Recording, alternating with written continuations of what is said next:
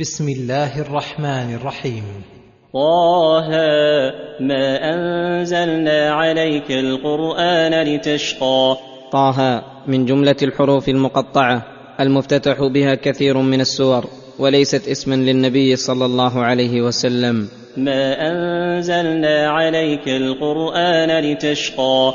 أي ليس المقصود بالوحي وإنزال القرآن عليك وشرع الشريعة لتشقى بذلك. ويكون في الشريعة تكليف يشق على المكلفين وتعجز عنه قوى العاملين وإنما الوحي والقرآن والشرع. شرعه الرحيم الرحمن وجعله موصلا للسعادة والفلاح والفوز وسهله غاية التسهيل ويسر كل طرقه وأبوابه وجعله غذاء للقلوب والأرواح وراحة للأبدان فتلقته الفطر السليمة والعقول المستقيمة بالقبول والإذعان. لعلمها بما احتوى عليه من الخير في الدنيا والآخرة ولهذا قال إلا تذكرة لمن يخشى. إلا ليتذكر به من يخشى الله تعالى فيتذكر ما فيه من الترغيب إلى أجل المطالب فيعمل بذلك ومن الترهيب عن الشقاء والخسران فيرهب منه ويتذكر به الأحكام الحسنة الشرعية المفصلة التي كان مستقرا في عقله حسنها مجملا.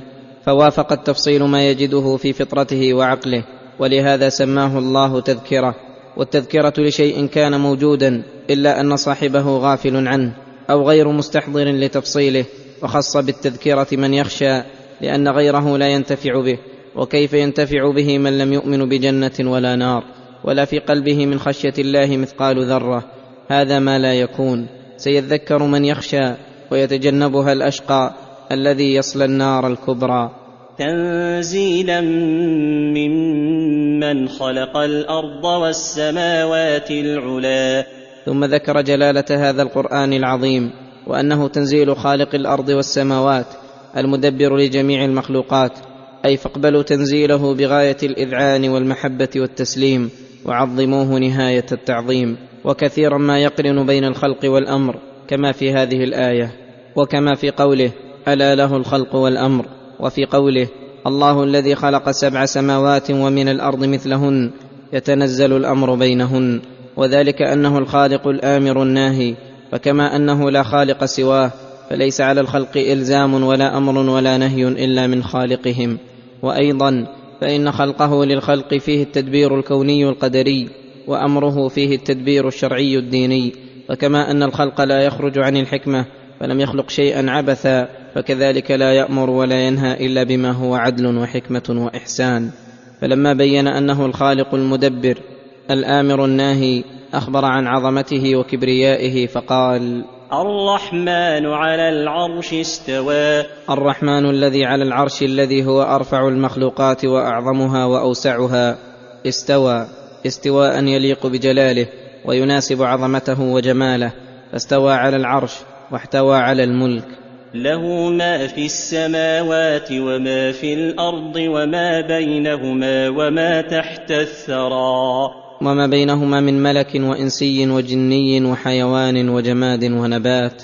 وما تحت الثرى. أي في الأرض. فالجميع ملك لله تعالى. عبيد مدبرون. مسخرون تحت قضائه وتدبيره. ليس لهم من الملك شيء. ولا يملكون لأنفسهم نفعا ولا ضرا. ولا موتا ولا حياة ولا نشورا. وإن تجهر بالقول فإنه يعلم السر وأخفى. فإنه يعلم السر الكلام الخفي وأخفى من السر الذي في القلب ولم ينطق به أو السر ما خطر على القلب وأخفى ما لم يخطر. يعلم تعالى أنه يخطر في وقته وعلى صفته والمعنى أن علمه تعالى محيط بجميع الأشياء. دقيقها وجليلها وخفيها وظاهرها فسواء جهرت بقولك أو اسررته فالكل سواء بالنسبة لعلمه تعالى. فلما قرر كماله المطلق بعموم خلقه وعموم أمره ونهيه وعموم رحمته وسعة عظمته وعلوه على عرشه وعموم ملكه وعموم علمه نتج من ذلك أنه المستحق للعبادة وأن عبادته هي الحق التي يوجبها الشرع والعقل والفطرة. وعبادة غيره باطلة. فقال الله لا إله إلا هو له الأسماء الحسنى. الله لا إله إلا هو أي لا معبود بحق ولا مألوه بالحب والذل والخوف والرجاء والمحبة والإنابة والدعاء إلا هو. له الأسماء الحسنى. أي له الأسماء الكثيرة الكاملة الحسنى. من حسنها أنها كلها أسماء دالة على المدح فليس فيها اسم لا يدل على المدح والحمد ومن حسنها أنها ليست أعلاما محضة وإنما هي أسماء وأوصاف ومن حسنها أنها دالة على الصفات الكاملة وأن له من كل صفة أكملها وأعمها وأجلها ومن حسنها أنه أمر العباد أن يدعوه بها لأنها وسيلة مقربة إليه يحبها ويحب من يحبها ويحب من يحفظها. ويحب من يبحث عن معانيها ويتعبد له بها. قال تعالى ولله الأسماء الحسنى فادعوه بها.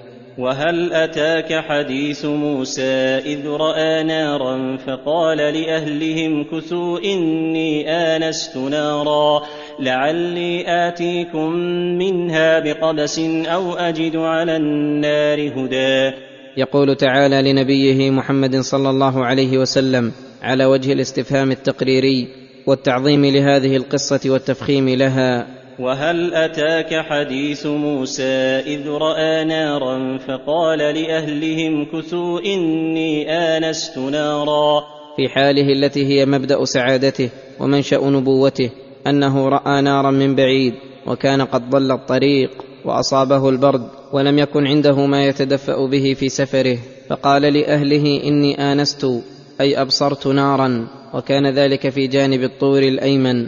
لعلي آتيكم منها بقبس أو أجد على النار هدى. لعلي آتيكم منها بقبس تصطلون به. أو أجد على النار هدى. أي من يهديني الطريق وكان مطلبه النور الحسي والهداية الحسية فوجد ثم النور المعنوي نور الوحي الذي تستنير به الأرواح والقلوب والهداية الحقيقية. هداية الصراط المستقيم الموصلة إلى جنات النعيم فحصل له أمر لم يكن في حسابه ولا خطر بباله. فلما أتاها نودي يا موسى إني أنا ربك فاخلع نعليك إنك بالوادي المقدس طوى. فلما أتاها أي النار التي آنسها من بعيد وكانت في الحقيقة نورا وهي نار تحرق وتشرق ويدل على ذلك قوله صلى الله عليه وسلم حجابه النور أو النار لو كشفه لأحرقت سبحات وجهه ما انتهى إليه بصره فلما وصل إليها نودي منها أي ناداه الله كما قال وناديناه من جانب الطور الأيمن وقربناه نجيا إني أنا ربك فاخلع نعليك إنك بالوادي المقدس طوى. أي أخبره أنه ربه.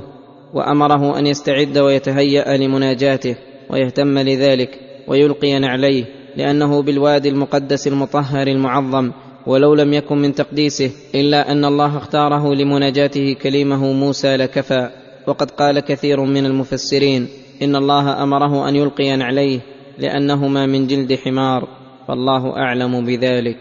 وأنا اخترتك فاستمع لما يوحى انني أنا الله انني أنا الله لا اله الا أنا فاعبدني واقم الصلاه لذكري. وأنا اخترتك أي تخيرتك واصطفيتك من الناس وهذه أكبر نعمة ومنة أنعم الله بها عليه. تقتضي من الشكر ما يليق بها ولهذا قال فاستمع لما يوحى. أي ألق سمعك للذي أوحي اليك فإنه حقيق بذلك لأنه أصل الدين ومبدأه وعماد الدعوة الإسلامية ثم بين الذي يوحيه إليه بقوله. إنني أنا الله لا إله إلا أنا فاعبدني وأقم الصلاة لذكري. أي الله المستحق الألوهية المتصف بها لأنه الكامل في أسمائه وصفاته المنفرد بأفعاله الذي لا شريك له ولا مثيل ولا كفو ولا سمي. فاعبدني وأقم الصلاة لذكري. فاعبدني بجميع أنواع العبادة ظاهرها وباطنها أصولها وفروعها ثم خص الصلاة بالذكر وإن كانت داخلة في العبادة لفضلها وشرفها وتضمنها عبودية القلب واللسان والجوارح وقوله لذكري اللام للتعليل. أي أقم الصلاة لأجل ذكرك إياي لأن ذكره تعالى أجل المقاصد وهو عبودية القلب وبه سعادته فالقلب المعطل عن ذكر الله معطل عن كل خير وقد خرب كل الخراب فشرع الله للعباد أنواع العبادات التي المقصود منها إقامة ذكره خصوصا الصلاة. قال الله تعالى أتل ما أوحي إليك من الكتاب وأقم الصلاة إن الصلاة تنهى عن الفحشاء والمنكر ولذكر الله أكبر. أي ما فيها من ذكر الله أكبر من نهيها عن الفحشاء والمنكر. وهذا النوع يقال له توحيد الألوهية وتوحيد العبادة فالألوهية وصفه تعالى والعبودية وصف عبده. إن الساعة آتية أكاد أخفيها لتجزى كل نفس بما تسعى. إن الساعة آتية أي لا بد من وقوعها أكاد أخفيها أي عن نفسي كما في بعض القراءات كقوله تعالى يسألك الناس عن الساعة قل إنما علمها عند الله وقال وعنده علم الساعة فعلمها قد أخفاه عن الخلائق كلهم فلا يعلمها ملك مقرب ولا نبي مرسل والحكمة في إتيان الساعة. لتجزى كل نفس بما تسعى. من الخير والشر فهي الباب لدار الجزاء ليجزي الذين أساءوا بما عملوا. ويجزي الذين أحسنوا بالحسنى. فلا يصدنك عنها من لا يؤمن بها واتبع هواه فتردى. أي فلا يصدك ويشغلك عن الإيمان بالساعة والجزاء والعمل لذلك من كان كافرا بها غير معتقد لوقوعها. يسعى في الشك فيها والتشكيك ويجادل فيها بالباطل ويقيم من الشبه ما يقدر عليه. متبعا في ذلك هواه. ليس قصده الوصول إلى الحق وإنما قصاراه اتباع الهوى. فإياك أن تصغي إلى من هذه حاله أو تقبل شيئا من أقواله وأعماله الصادة عن الإيمان بها والسعي لها سعيها. وإنما حذر الله تعالى عمن هذه حاله لأنه من أخوف ما يكون على المؤمن بوسوسته وتدجيله. وكون النفوس مجبولة على التشبه والاقتداء بأبناء الجنس وفي هذا تنبيه وإشارة إلى التحذير من كل داع إلى باطل يصد عن الإيمان الواجب أو عن كماله أو يوقع الشبهة في القلب وعن النظر في الكتب المشتملة على ذلك وذكر في هذا الإيمان به وعبادته والإيمان باليوم الآخر لأن هذه الأمور الثلاثة أصول الإيمان وركن الدين وإذا تمت تم أمر الدين ونقصه أو فقده بنقصها أو نقص شيء منها. وهذه نظير قوله تعالى في الإخبار عن ميزان سعادة الفرق الذين أوتوا الكتاب وشقاوتهم. إن الذين آمنوا والذين هادوا والصابئون والنصارى من آمن بالله واليوم الآخر وعمل صالحا فلا خوف عليهم ولا هم يحزنون. وقوله فتردى. أي تهلك وتشقى. إن اتبعت طريق من يصد عنها. وقوله تعالى وما تلك بيمينك يا موسى. لما بين الله لموسى أصل الإيمان أراد أن يبين له ويريه من آياته ما يطمئن به قلبه وتقر به عينه ويقوى إيمانه بتأييد الله له على عدوه فقال وما تلك بيمينك يا موسى. هذا مع علمه تعالى ولكن لزيادة الاهتمام في هذا الموضع أخرج الكلام بطريق الاستفهام فقال موسى قال هي عصاي أتوكأ عليها وأهش بها على غنمي. ذكر فيها هاتين المنفعتين منفعة لجنس الآدمي وهو أنه يعتمد عليها في قيامه ومشيه فيحصل فيها معونة ومنفعة للبهائم وهو أنه كان يرعى الغنم فإذا رعاها في شجر الخبط ونحوه هش بها أي ضرب الشجر ليتساقط ورقه فيرعاه الغنم. هذا الخلق الحسن من موسى عليه السلام الذي من آثاره حسن رعاية الحيوان البهيم والإحسان إليه دل على عناية من الله له واصطفاء وتخصيص تقتضيه رحمة الله تعالى وحكمته. ولي فيها مآرب أخرى. ولي فيها مآرب أي مقاصد أخرى غير هذين الأمرين. ومن أدب موسى عليه السلام أن الله لما سأل عما في يمينه وكان السؤال محتملا عن السؤال عن عينها أو منفعتها أجابه بعينها ومنفعتها فقال الله له. قال ألقها يا موسى فألقاها فإذا هي حية تسعى. انقلبت بإذن الله ثعبانا عظيما فولى موسى هاربا خائفا ولم يعقب وفي وصفها بأنها تسعى. إزالة لوهم يمكن وجوده وهو أن يظن أنها تخيين لا حقيقة فكونها تسعى يزيل هذا الوهم. فقال الله لموسى قال خذها ولا تخف سنعيدها سيرتها الأولى. خذها ولا تخف أي ليس عليك منها بأس. سنعيدها سيرتها الأولى.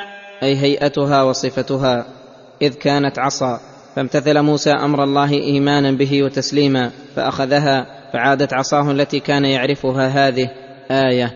ثم ذكر الآية الأخرى فقال واضمم يدك إلى جناحك تخرج بيضاء من غير سوء آية أخرى. واضمم يدك إلى جناحك أي أدخل يدك في جيبك وضم عليك عضدك الذي هو جناح الإنسان تخرج بيضاء من غير سوء أي بياضا ساطعا من غير عيب ولا برص. آية أخرى. قال الله فذلك برهانان من ربك إلى فرعون وملئه إنهم كانوا قوما فاسقين. لنريك من آياتنا الكبرى. أي فعلنا ما ذكرنا من انقلاب العصا حية تسعى. ومن خروج اليد بيضاء للناظرين لأجل أن نريك من آياتنا الكبرى الدالة على صحة رسالتك وحقيقة ما جئت به. فيطمئن قلبك ويزداد علمك وتثق بوعد الله لك بالحفظ والنصرة ولتكون حجة وبرهانا لمن أرسلت إليهم. اذهب إلى فرعون إنه طغى. لما أوحى الله إلى موسى ونبأه وأراه الآيات الباهرات أرسله إلى فرعون ملك مصر. فقال اذهب إلى فرعون إنه طغى. أي تمرد وزاد على الحد في الكفر والفساد والعلو في الأرض والقهر للضعفاء حتى إنه ادعى الربوبية والألوهية قبحه الله. أي وطغيانه سبب لهلاكه ولكن من رحمة الله وحكمته وعدله أنه لا يعذب أحدا إلا بعد قيام الحجة بالرسل فحينئذ علم موسى عليه السلام أنه تحمل حملا عظيما.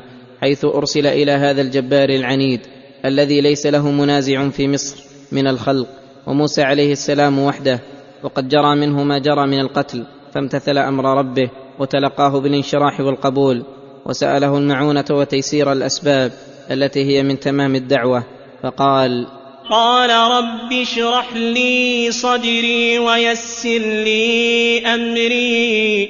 رب اشرح لي صدري أي وسعه وأفسحه. لأتحمل الأذى القولي والفعلي ولا يتكدر قلبي بذلك ولا يضيق صدري فإن الصدر إذا ضاق لم يصلح صاحبه لهداية الخلق ودعوتهم. قال الله لنبيه محمد صلى الله عليه وسلم فبما رحمة من الله لنت لهم ولو كنت فظا غليظ القلب لانفضوا من حولك وعسى الخلق يقبلون الحق مع اللين وسعة الصدر وانشراحه عليهم. ويسر لي أمري. أي سهل علي كل أمر أسلكه وكل طريق أقصده في سبيلك وهون علي ما أمامي من الشدائد ومن تيسير الأمر أن ييسر للداعي أن يأتي جميع الأمور من أبوابها ويخاطب كل أحد بما يناسب له ويدعوه بأقرب الطرق الموصلة إلى قبول قوله. واحلل عقدة من لساني يفقه قولي. وكان في لسانه ثقل لا يكاد يفهم عنه الكلام كما قاله المفسرون كما قال الله عنه أنه قال وأخي هارون هو أفصح مني لسانا فسأل الله أن يحل منه عقدة يفقه ما يقول فيحصل المقصود التام من المخاطبة والمراجعة والبيان عن المعاني.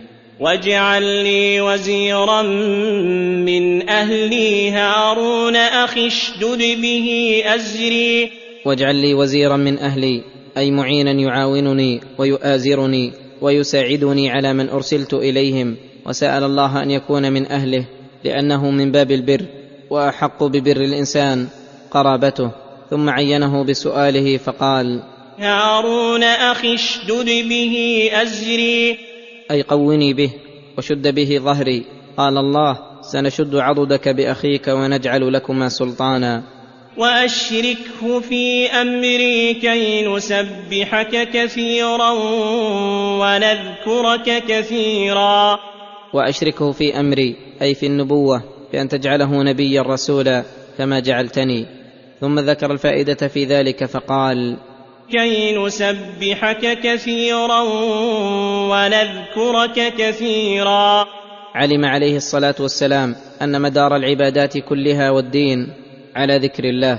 فسأل الله أن يجعل أخاه معه يتساعدان ويتعاونان على البر والتقوى فيكثر منهما ذكر الله من التسبيح والتهليل وغيره من أنواع العبادات. إنك كنت بنا بصيرا. تعلم حالنا وضعفنا وعجزنا وافتقارنا إليك في كل الأمور وأنت أبصر بنا من أنفسنا وأرحم فمن علينا بما سألناك. وأجب لنا فيما دعوناك. فقال الله قال قد أوتيت سؤلك يا موسى. أي أعطيت جميع ما طلبت فسنشرح صدرك ونيسر أمرك ونحل عقدة من لسانك يفقه قولك ونشد عضدك بأخيك هارون ونجعل لكما سلطانا فلا يصلون إليكما بآياتنا أنتما ومن اتبعكما الغالبون.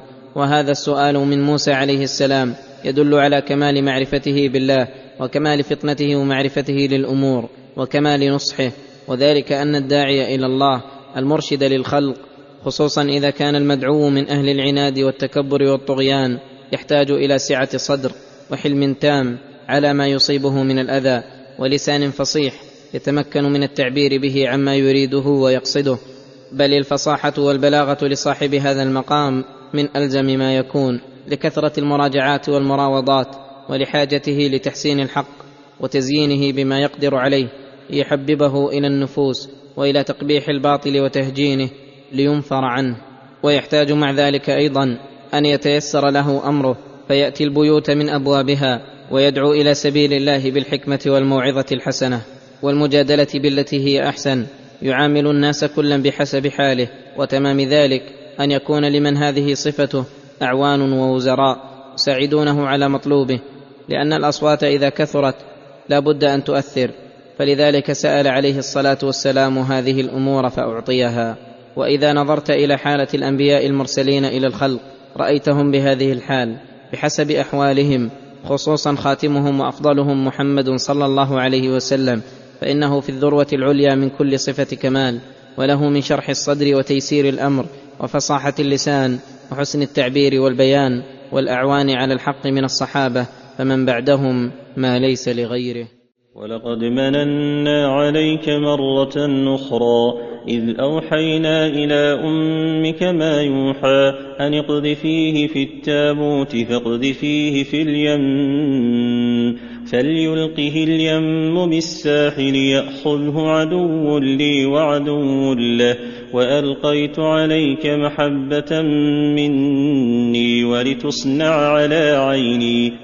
لما ذكر منته على عبده ورسوله موسى بن عمران في الدين والوحي والرسالة وإجابة سؤاله ذكر نعمته عليه وقت التربية والتنقلات في أطواره فقال ولقد مننا عليك مرة أخرى. حيث ألهمنا أمك أن تقذفك في التابوت وقت الرضاع خوفا من فرعون. لأنه أمر بذبح أبناء بني إسرائيل فأخفته أمه وخافت عليه خوفا شديدا فقذفته في التابوت ثم قذفته في اليم أي شط نيل مصر. فأمر الله اليم أن يلقيه في الساحل وقيض أن يأخذه أعدى الأعداء لله ولموسى ويتربى في أولاده ويكون قرة عين لمن رآه. ولهذا قال وألقيت عليك محبة مني ولتصنع على عيني. وألقيت عليك محبة مني فكل من رآه أحبه. ولتصنع على عيني. أي ولتتربى على نظري وفي حفظي وكلاءتي. وأي نظر وكفالة أجل وأكمل من ولاية البر الرحيم القادر على إيصال مصالح عبده ودفع المضار عنه. فلا ينتقل من حالة إلى حالة إلا والله تعالى هو الذي دبر ذلك لمصلحة موسى. إذ تمشي أختك فتقول هل أدلكم على من يكفله؟ ومن حسن تدبيره أن موسى لما وقع في يد عدوه قلقت أمه قلقا شديدا وأصبح فؤادها فارغا وكادت تخبر به لولا أن الله ثبتها وربط على قلبها. ففي هذه الحالة حرم الله على موسى المراضع فلا يقبل ثدي امرأة قط. ليكون مآله إلى أمه فترضعه ويكون عندها مطمئنة ساكنة قريرة العين فجعلوا يعرضون عليه المراضع فلا يقبل ثديا فجاءت أخت موسى فقالت لهم هل أدلكم على أهل بيت يكفلونه لكم وهم له ناصحون؟ فرجعناك إلى أمك كي تقر عينها ولا تحزن. وقتلت نفسا فنجيناك من الغم وفتناك فتونا. وقتلت نفسا وهو القبطي لما دخل المدينة وقت غفلة من أهلها وجد رجلين يقتتلان واحد من شيعة موسى والآخر من عدوه قبطي. فاستغاثه الذي من شيعته على الذي من عدوه. فوكزه موسى فقضى عليه فدعا الله وسأله المغفرة فغفر له ثم فر هاربا لما سمع أن الملأ طلبوه يريدون قتله.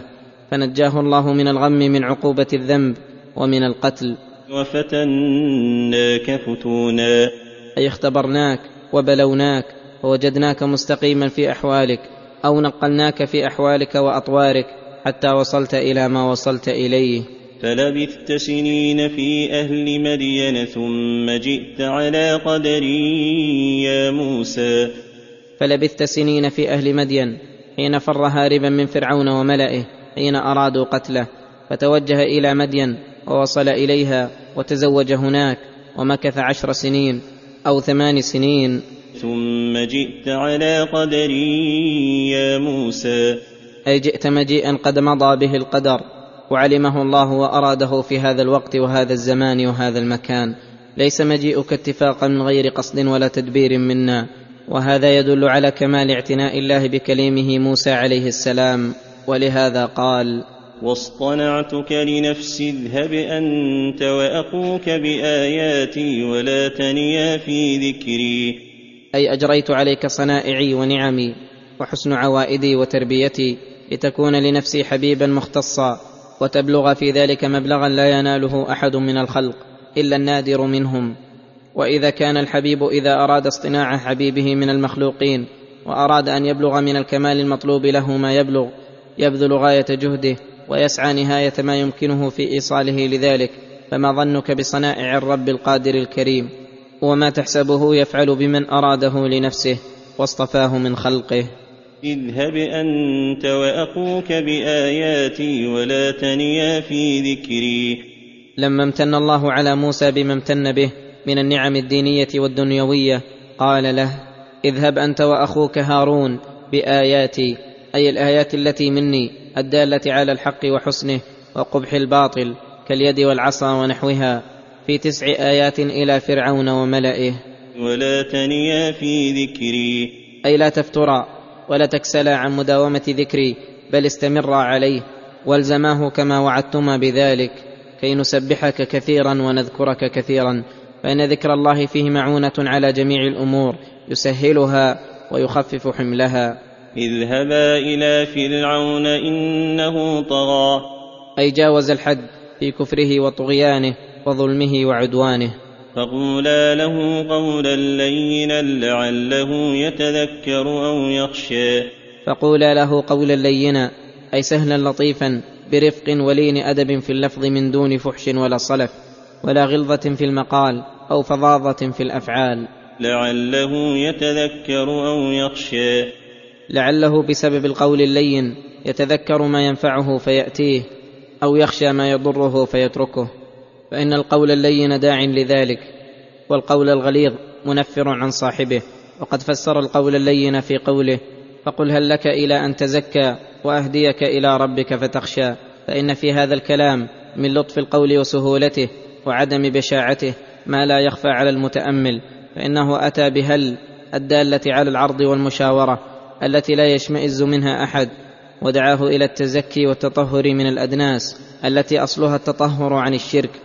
الذي يقبله كل عقل سليم ولم يقل أزكيك بل قال تزكى أنت بنفسك. ثم دعاه إلى سبيل ربه الذي رباه وأنعم عليه بالنعم الظاهرة والباطنة التي ينبغي مقابلتها بشكرها وذكرها فقال وأهديك إلى ربك فتخشى. فلما لم يقبل هذا الكلام اللين الذي يأخذ حسنه بالقلوب علم أنه لا ينجع فيه تذكير فأخذه الله أخذ عزيز مقتدر. قال ربنا إننا نخاف أن يفرط علينا أو أن يطغى. قال ربنا إننا نخاف أن يفرط علينا اي يبادرنا بالعقوبة والإيقاع بنا قبل أن تبلغه رسالاتك ونقيم عليه الحجة. أو أن يطغى. اي يتمرد عن الحق ويطغى بملكه وسلطانه وجنده وأعوانه. قال لا تخافا إنني معكما أسمع وأرى. قال لا تخافا أن يفرط عليكما. إنني معكما أسمع وأرى. أي أنتما بحفظي ورعايتي أسمع أقوالكما وأرى جميع أحوالكما. فلا تخافا منه فزال الخوف عنهما واطمأنت قلوبهما بوعد ربهما. فأتياه فقولا إنا رسولا ربك فأرسل معنا بني إسرائيل ولا تعذبهم قد جئناك بآية من ربك والسلام على من اتبع الهدى. أي فأتياه بهذين الأمرين دعوته إلى الإسلام وتخليص هذا الشعب الشريف بني إسرائيل من قيده وتعبيده لهم ليتحرروا ويملكوا أمرهم ويقيم فيهم موسى شرع الله ودينه. قد جئناك بآية من ربك والسلام على من اتبع الهدى. قد جئناك بآية تدل على صدقنا فألقى موسى عصاه فإذا هي ثعبان مبين ونزع يده فإذا هي بيضاء للناظرين إلى آخر ما ذكر الله عنهما. والسلام على من اتبع الهدى. أي من اتبع الصراط المستقيم واهتدى بالشرع المبين حصلت له السلامة في الدنيا والآخرة. إنا قد أوحي إلينا أن العذاب على من كذب وتولى. إنا قد أوحي إلينا أي خبر من عند الله لا من عند أنفسنا. أن العذاب على من كذب وتولى. أي كذب بأخبار الله وأخبار رسله وتولى عن الانقياد لهم واتباعهم. وهذا فيه الترغيب لفرعون بالإيمان والتصديق واتباعهما والترهيب من ضد ذلك ولكن لم يفد فيه هذا الوعظ والتذكير فأنكر ربه وكفر وجادل في ذلك ظلما وعنادا. قال فمن ربكما يا موسى؟ قال ربنا الذي أعطى كل شيء خلقه ثم هدى. أي قال فرعون لموسى على وجه الإنكار قال فمن ربكما يا موسى قال ربنا الذي أعطى كل شيء خلقه ثم هدى. فأجاب موسى بجواب شاف كاف واضح فقال ربنا الذي أعطى كل شيء خلقه ثم هدى. أي ربنا الذي خلق جميع المخلوقات وأعطى كل مخلوق خلقه اللائق به الدال على حسن صنعه من خلقه. من كبر الجسم وصغره وتوسطه وجميع صفاته ثم هدى كل مخلوق إلى ما خلقه له. وهذه الهداية العامة المشاهدة في جميع المخلوقات. فكل مخلوق تجده يسعى لما خلق له من المنافع وفي دفع المضار عنه. حتى إن الله تعالى أعطى الحيوان البهيم من العقل ما يتمكن به على ذلك. وهذا كقوله تعالى الذي أحسن كل شيء خلقه فالذي خلق المخلوقات وأعطاها خلقها الحسن الذي لا تقترح العقول فوق حسنه وهداها لمصالحها هو الرب على الحقيقة. فإنكاره إنكار لأعظم الأشياء وجودا وهو مكابرة ومجاهرة بالكذب. فلو قدر أن الإنسان أنكر من الأمور المعلومة ما أنكر كان إنكاره لرب العالمين أكبر من ذلك. ولهذا لما لم يمكن فرعون أن يعاند هذا الدليل القاطع عدل إلى المشاغبة وحاد عن المقصود. فقال لموسى قال فما بال القرون الأولى؟ قال علمها عند ربي في كتاب لا يضل ربي ولا ينسى. أي ما شأنهم وما خبرهم وكيف وصلت بهم الحال؟ وقد سبقونا إلى الإنكار والكفر والظلم والعناد ولنا فيهم أسوة. فقال موسى قال علمها عند ربي في كتاب لا يضل ربي ولا ينسى. أي قد أحصى أعمالهم من خير وشر وكتبه في كتاب وهو اللوح المحفوظ وأحاط به علما وخبرا فلا يضل عن شيء منها ولا ينسى ما علمه منها. ومضمون ذلك أنهم قدموا إلى ما قدموا ولاقوا أعمالهم وسيجازون عليها. فلا معنى لسؤالك واستفهامك يا فرعون عنهم. فتلك أمة قد خلت لها ما كسبت ولكم ما كسبتم فإن كان الدليل الذي أوردناه عليك والآيات التي أريناكها قد تحققت صدقها ويقينها وهو الواقع فانقد إلى الحق ودع عنك الكفر والظلم وكثرة الجدال بالباطل وإن كنت قد شككت فيها أو رأيتها غير مستقيمة فالطريق مفتوح وباب البحث غير مغلق فرد الدليل بالدليل. والبرهان بالبرهان ولن تجد لذلك سبيلا. ما دام الملوان كيف وقد أخبر الله عنه أنه جحدها مع استيقانها؟ كما قال تعالى وجحدوا بها واستيقنتها أنفسهم ظلما وعلوا وقال موسى لقد علمت ما أنزل هؤلاء إلا رب السماوات والأرض بصائر فعلم أنه ظالم في جداله قصده العلو في الأرض. ثم استطرد في هذا الدليل القاطع بذكر كثير من نعمه وإحسانه الضروري فقال الذي جعل لكم الأرض مهدا وسلك لكم فيها سبلا وأنزل من السماء ماء فأخرجنا به أزواجا من نبات شتى. الذي جعل لكم الأرض مهدا أي فراشا بحالة تتمكنون من السكون فيها والقرار والبناء والغراس وإثارتها للازدراع وغيره وذللها لذلك ولم يجعلها ممتنعة عن مصلحة من مصالحكم. وسلك لكم فيها سبلا أي نفذ لكم الطرق الموصلة من أرض إلى أرض ومن قطر إلى قطر حتى كان الآدميون يتمكنون من الوصول إلى جميع الأرض بأسهل ما يكون وينتفعون بأسفارهم أكثر مما ينتفعون بإقامتهم. وأنزل من السماء ماء فأخرجنا به أزواجا من نبات شتى. أي أنزل المطر فأحيا به الأرض بعد موتها وأنبت بذلك جميع أصناف النوابت على اختلاف أنواعها وتشتت أشكالها وتباين أحوالها فساقه وقدره ويسره رزقا لنا ولأنعامنا ولولا ذلك لهلك من عليها من آدمي وحيوان ولهذا قال كلوا وارعوا أنعامكم إن في ذلك لآيات لأولي النهى. كلوا وارعوا أنعامكم وسياقها على وجه الامتنان ليدل ذلك على أن الأصل في جميع النوابت الإباحة فلا يحرم منهم إلا ما كان مضرا كالسموم ونحوه. إن في ذلك لآيات لأولي النهى. أي لذوي العقول الرزينة والأفكار المستقيمة على فضل الله وإحسانه ورحمته وسعة جوده وتمام عنايته وعلى أنه الرب المعبود المالك المحمود الذي لا يستحق العبادة سواه ولا الحمد والمدح والثناء إلا من امتن بهذه النعم وعلى أنه على كل شيء قدير وكما أحيا الأرض بعد موتها إن ذلك لمحيي الموتى.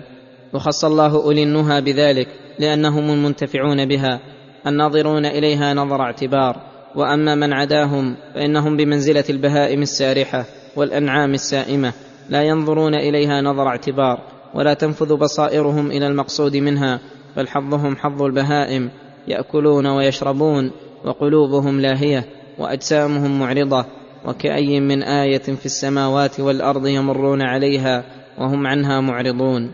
منها خلقناكم وفيها نعيدكم ومنها نخرجكم تارة أخرى.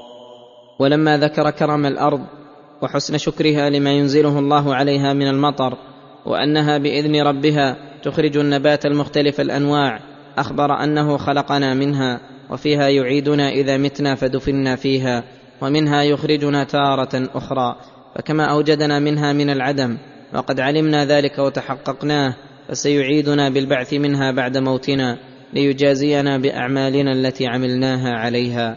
وهذان دليلان على الإعادة عقليان واضحان.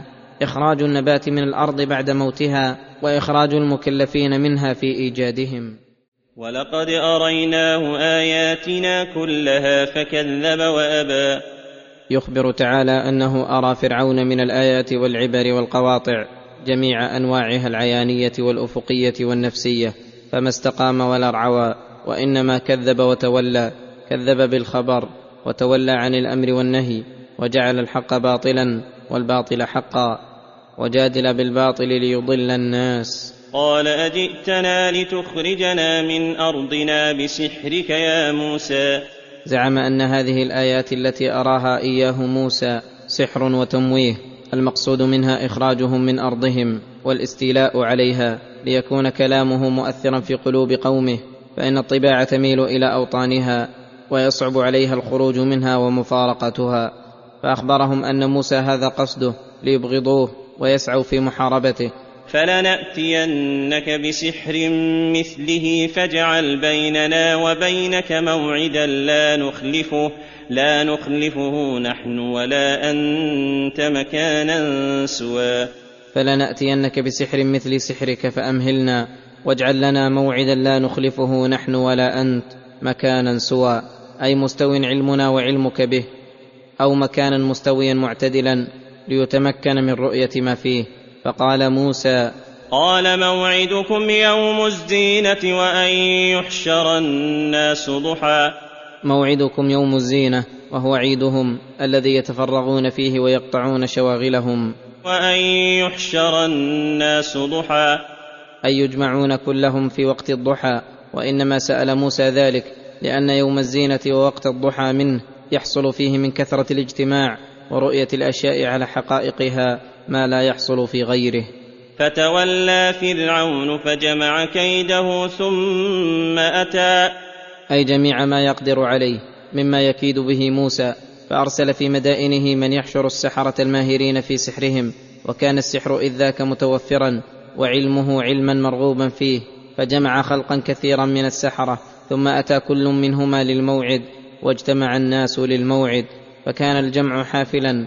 حضره الرجال والنساء والملأ والأشراف والعوام والصغار والكبار وحضوا الناس على الاجتماع. وقالوا للناس هل أنتم مجتمعون؟ لعلنا نتبع السحرة إن كانوا هم الغالبين. فحين اجتمعوا من جميع البلدان وعظهم موسى عليه السلام وأقام عليهم الحجة وقال لهم قال لهم موسى ويلكم لا تفتروا على الله كذبا فيسحتكم بعذاب وقد خاب من افترى. أي لا تنصروا ما أنتم عليه من الباطل بسحركم وتغالبون الحق وتفترون على الله الكذب فيستأصلكم بعذاب من عنده ويخيب سعيكم وافتراؤكم فلا تدركون ما تطلبون من النصر والجاه عند فرعون وملئه ولا تسلمون من عذاب الله فتنازعوا أمرهم بينهم وأسروا النجوى. وكلام الحق لا بد أن يؤثر في القلوب. لا جرم ارتفع الخصام والنزاع بين السحرة. لما سمعوا كلام موسى وارتبكوا ولعل من جملة نزاعهم الاشتباه في موسى هل هو على الحق أم لا؟ ولكن هم إلى الآن ما تم أمرهم ليقضي الله أمرا كان مفعولا. ليهلك من هلك عن بينة ويحيى من حي عن بينة. فحينئذ أسروا فيما بينهم النجوى وأنهم يتفقون على مقالة واحدة لينجحوا في مقالهم وفعالهم وليتمسك الناس بدينهم والنجوى التي أسروها فسرها بقوله قالوا إن هذان لساحران يريدان أن يخرجاكم من أرضكم يريدان أن يخرجاكم من أرضكم بسحرهما ويذهبا بطريقتكم المثلى.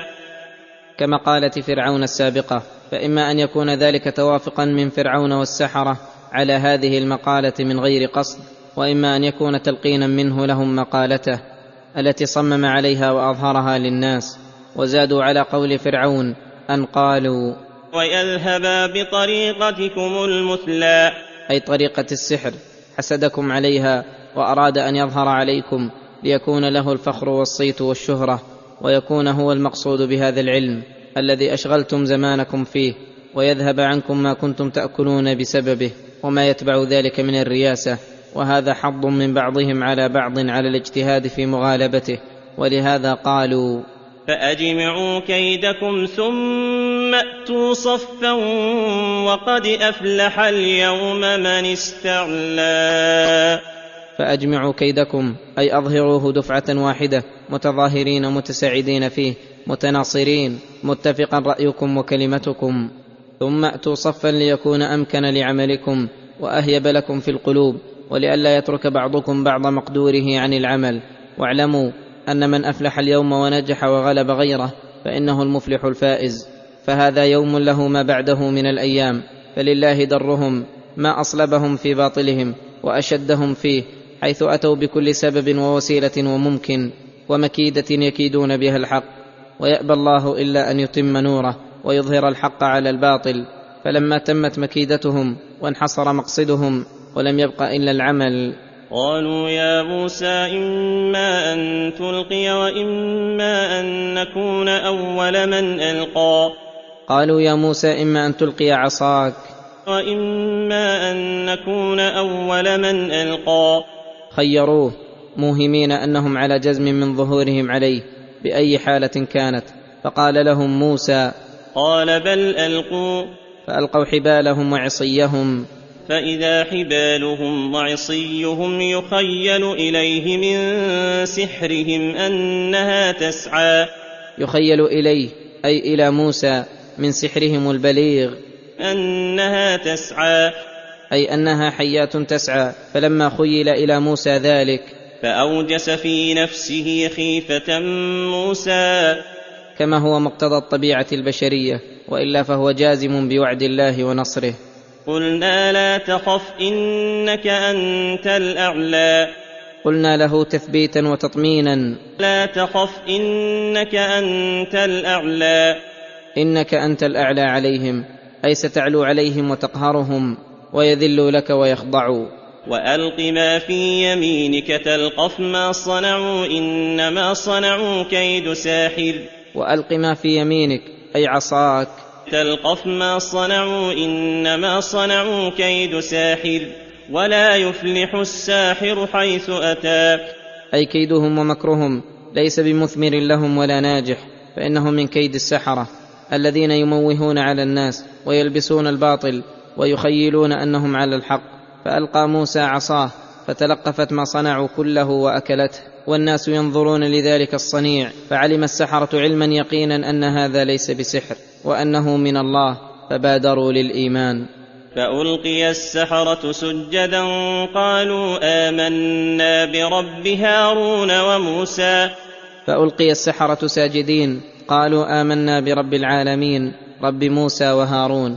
فوقع الحق وظهر وسطع وبطل السحر والمكر والكيد في ذلك المجمع العظيم. فصارت بينة ورحمة للمؤمنين وحجة على المعاندين.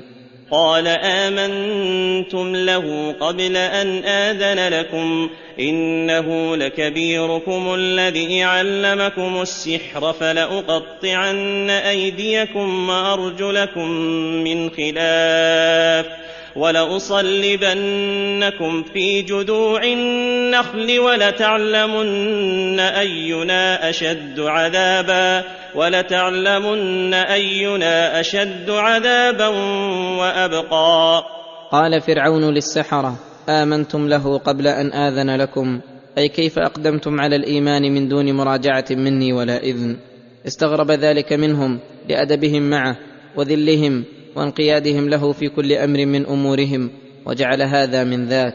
ثم استلج فرعون في كفره وطغيانه بعد هذا البرهان واستخف عقول قومه وأظهر لهم أن هذه الغلبة من موسى للسحرة ليس لأن الذي معه الحق بل لأنه تمالأ هو والسحرة ومكروا ودبروا أن يخرجوا فرعون وقومه من بلادهم.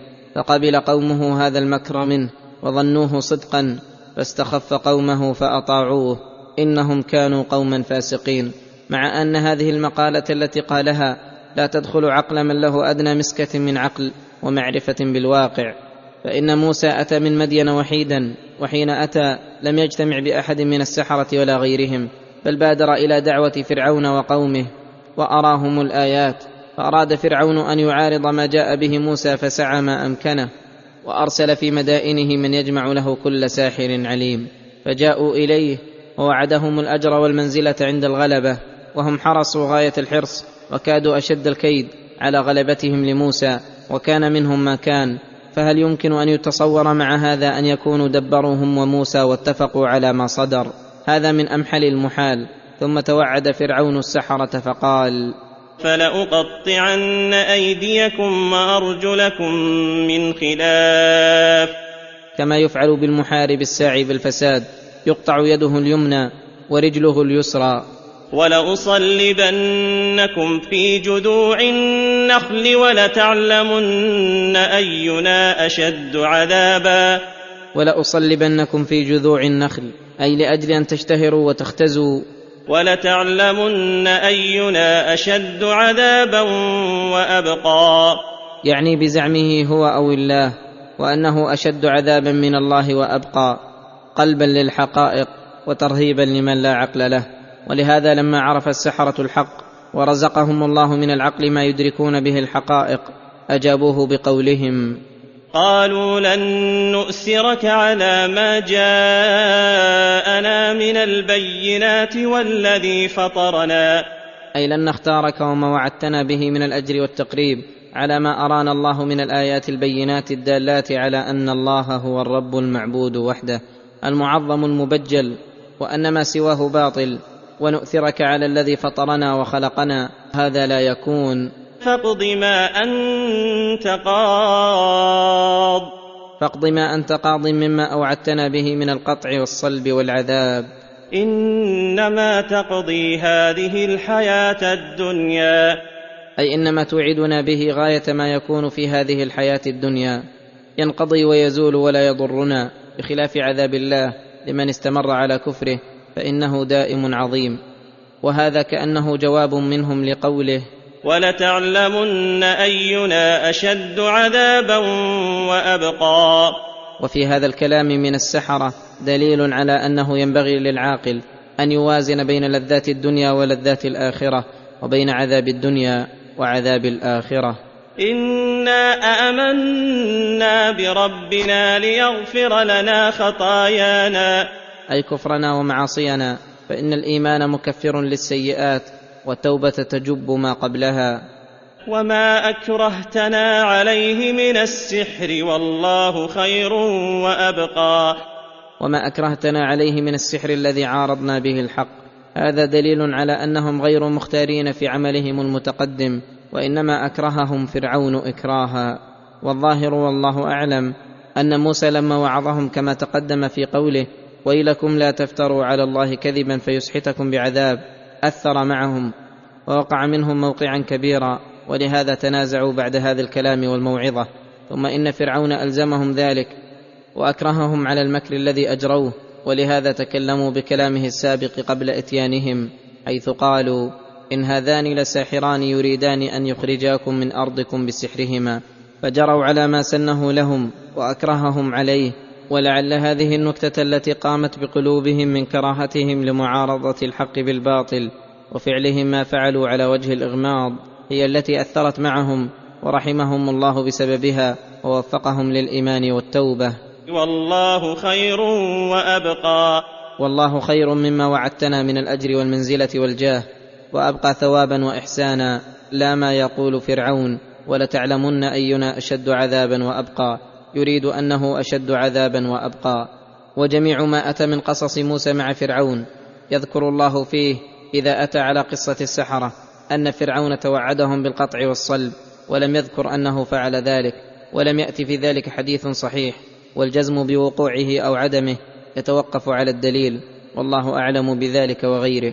ولكن توعده إياهم بذلك مع اقتداره دليل على وقوعه ولأنه لو لم يقع لذكره الله ولاتفاق الناقلين على ذلك. إنه من يأت ربه مجرما فإن له جهنم لا يموت فيها ولا يحيا. يخبر تعالى أن من أتاه وقدم عليه مجرما أي وصفه الجرم من كل وجه وذلك يستلزم الكفر. واستمر على ذلك حتى مات فإن له نار جهنم. الشديد نكالها العظيمة أغلالها البعيد قعرها الأليم حرها وقرها التي فيها من العقاب ما يذيب الأكباد والقلوب. ومن شدة ذلك أن المعذب فيها لا يموت ولا يحيا.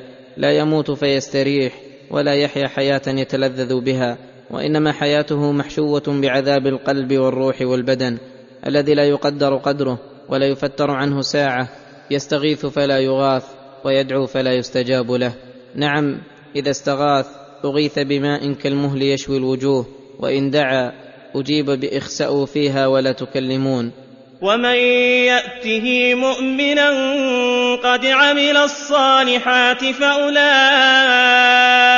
لهم الدرجات العلى جنات عدن تجري من تحتها الأنهار.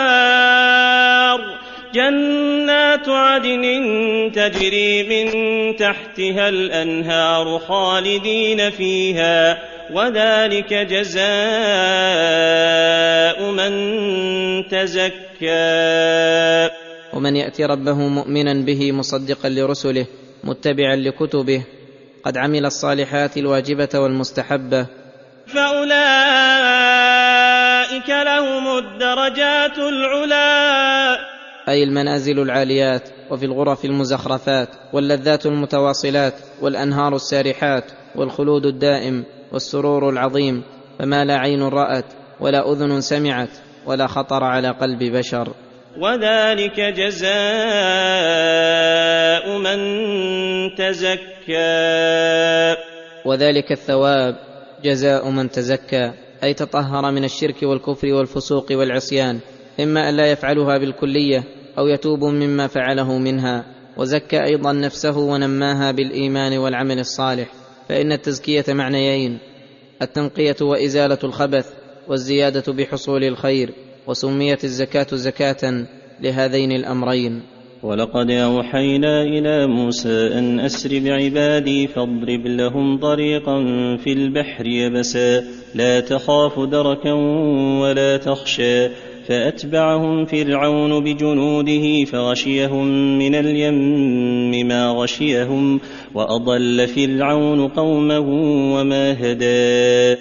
لما ظهر موسى بالبراهين على فرعون وقومه مكث في مصر يدعوهم إلى الإسلام ويسعى في تخليص بني إسرائيل من فرعون وعذابه. وفرعون في عتو ونفور وأمره شديد على بني إسرائيل. ويريه الله من الآيات والعبر ما قصه الله علينا في القرآن. وبنو إسرائيل لا يقدرون أن يظهروا إيمانهم ويعلنوه. قد اتخذوا بيوتهم مساجد وصبروا على فرعون وأذاه. فأراد الله تعالى أن ينجيهم من عدوهم ويمكن لهم في الأرض ليعبدوه جهرا. ويقيموا أمره. فأوحى إلى نبيه موسى أن سر أو سيروا أول الليل ليتمادوا في الأرض. وأخبره أن فرعون وقومه سيتبعونه. فخرجوا أول الليل. جميع بني إسرائيل هم ونساؤهم وذريتهم. فلما أصبح أهل مصر إذا ليس فيها منهم داع ولا مجيب. فحنق عليهم عدوهم فرعون. وأرسل في المدائن من يجمع له الناس ويحضهم على الخروج في أثر بني إسرائيل ليوقع بهم وينفذ غيظه والله غالب على أمره. فتكاملت جنود فرعون فسار بهم. يتبع بني إسرائيل فأتبعوهم مشرقين. فلما تراءى الجمعان قال أصحاب موسى إنا لمدركون. وقلقوا وخافوا. البحر أمامهم وفرعون من ورائهم. قد امتلأ عليهم غيظا وحنقا. وموسى مطمئن القلب ساكن البال. قد وثق بوعد ربه فقال كلا إن معي ربي سيهدين. فأوحى الله إليه أن يضرب البحر بعصاه فضربه فانفرق اثني عشر طريقا وصار الماء كالجبال العالية عن يمين الطرق ويسارها. وأيبس الله طرقهم التي انفرق عنها الماء وأمرهم الله ألا يخافوا من إدراك فرعون ولا يخشوا من الغرق في البحر. فسلكوا في تلك الطرق. فجاء فرعون وجنوده فسلكوا وراءهم حتى إذا تكامل قوم موسى خارجين وقوم فرعون داخلين أمر الله البحر فالتطم عليهم وغشيهم من اليم ما غشيهم وغرقوا كلهم ولم ينجح منهم أحد وبنو إسرائيل ينظرون إلى عدوهم قد أقر الله أعينهم بهلاكه وهذا عاقبة الكفر والضلال وعدم الاهتداء بهدي الله ولهذا قال تعالى وأضل فرعون قومه وما هدى. وأضل فرعون قومه بما زين لهم من الكفر وتهجين ما أتى به موسى واستخفافه إياهم وما هداهم في وقت من الأوقات.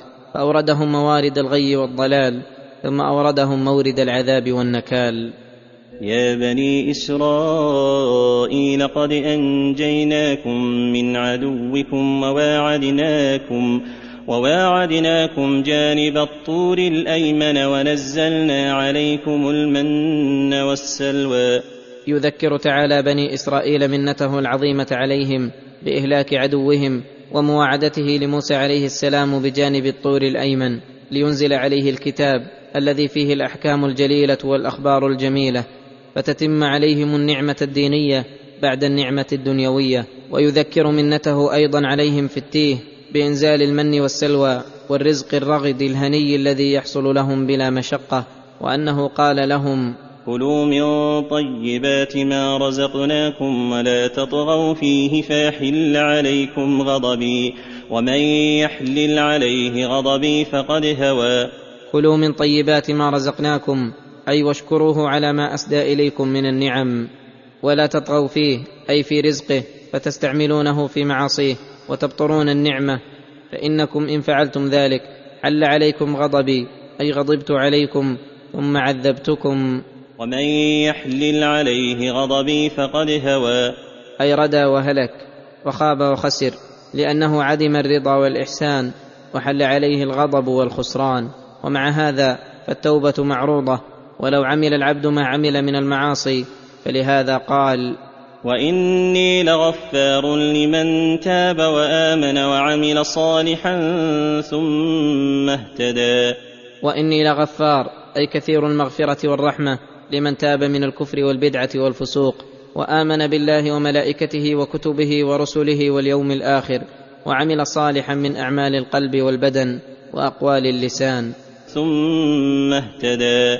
اي سلك الصراط المستقيم وتابع الرسول الكريم؟ واقتدى بالدين القويم فهذا يغفر الله أوزاره ويعفو عما تقدم من ذنبه وإصراره لأنه أتى بالسبب الأكبر للمغفرة والرحمة بل الأسباب كلها منحصرة في هذه الأشياء فإن التوبة تجب ما قبلها والإيمان والإسلام يهدم ما قبله والعمل الصالح الذي هو الحسنات يذهب السيئات وسلوك طرق الهداية بجميع أنواعها من تعلم علم وتدبر آية أو حديث حتى يتبين له معنى من المعاني يهتدي به ودعوة إلى دين الحق ورد بدعة أو كفر أو ضلالة وجهاد وهجرة وغير ذلك من جزئيات الهداية كلها مكفرات للذنوب محصلات لغاية المطلوب. وما أعجلك عن قومك يا موسى؟ كان الله تعالى قد واعد موسى أن يأتيه لينزل عليه التوراة ثلاثين ليلة فأتمها بعشر فلما تم الميقات بادر موسى عليه السلام إلى الحضور للموعد شوقا لربه وحرصا على موعوده فقال الله له وما أعجلك عن قومك يا موسى؟ أي ما الذي قدمك عليهم؟ ولم لم تصبر حتى تقدم أنت وهم؟ قال هم أولئك على أثري وعجلت إليك رب لترضى.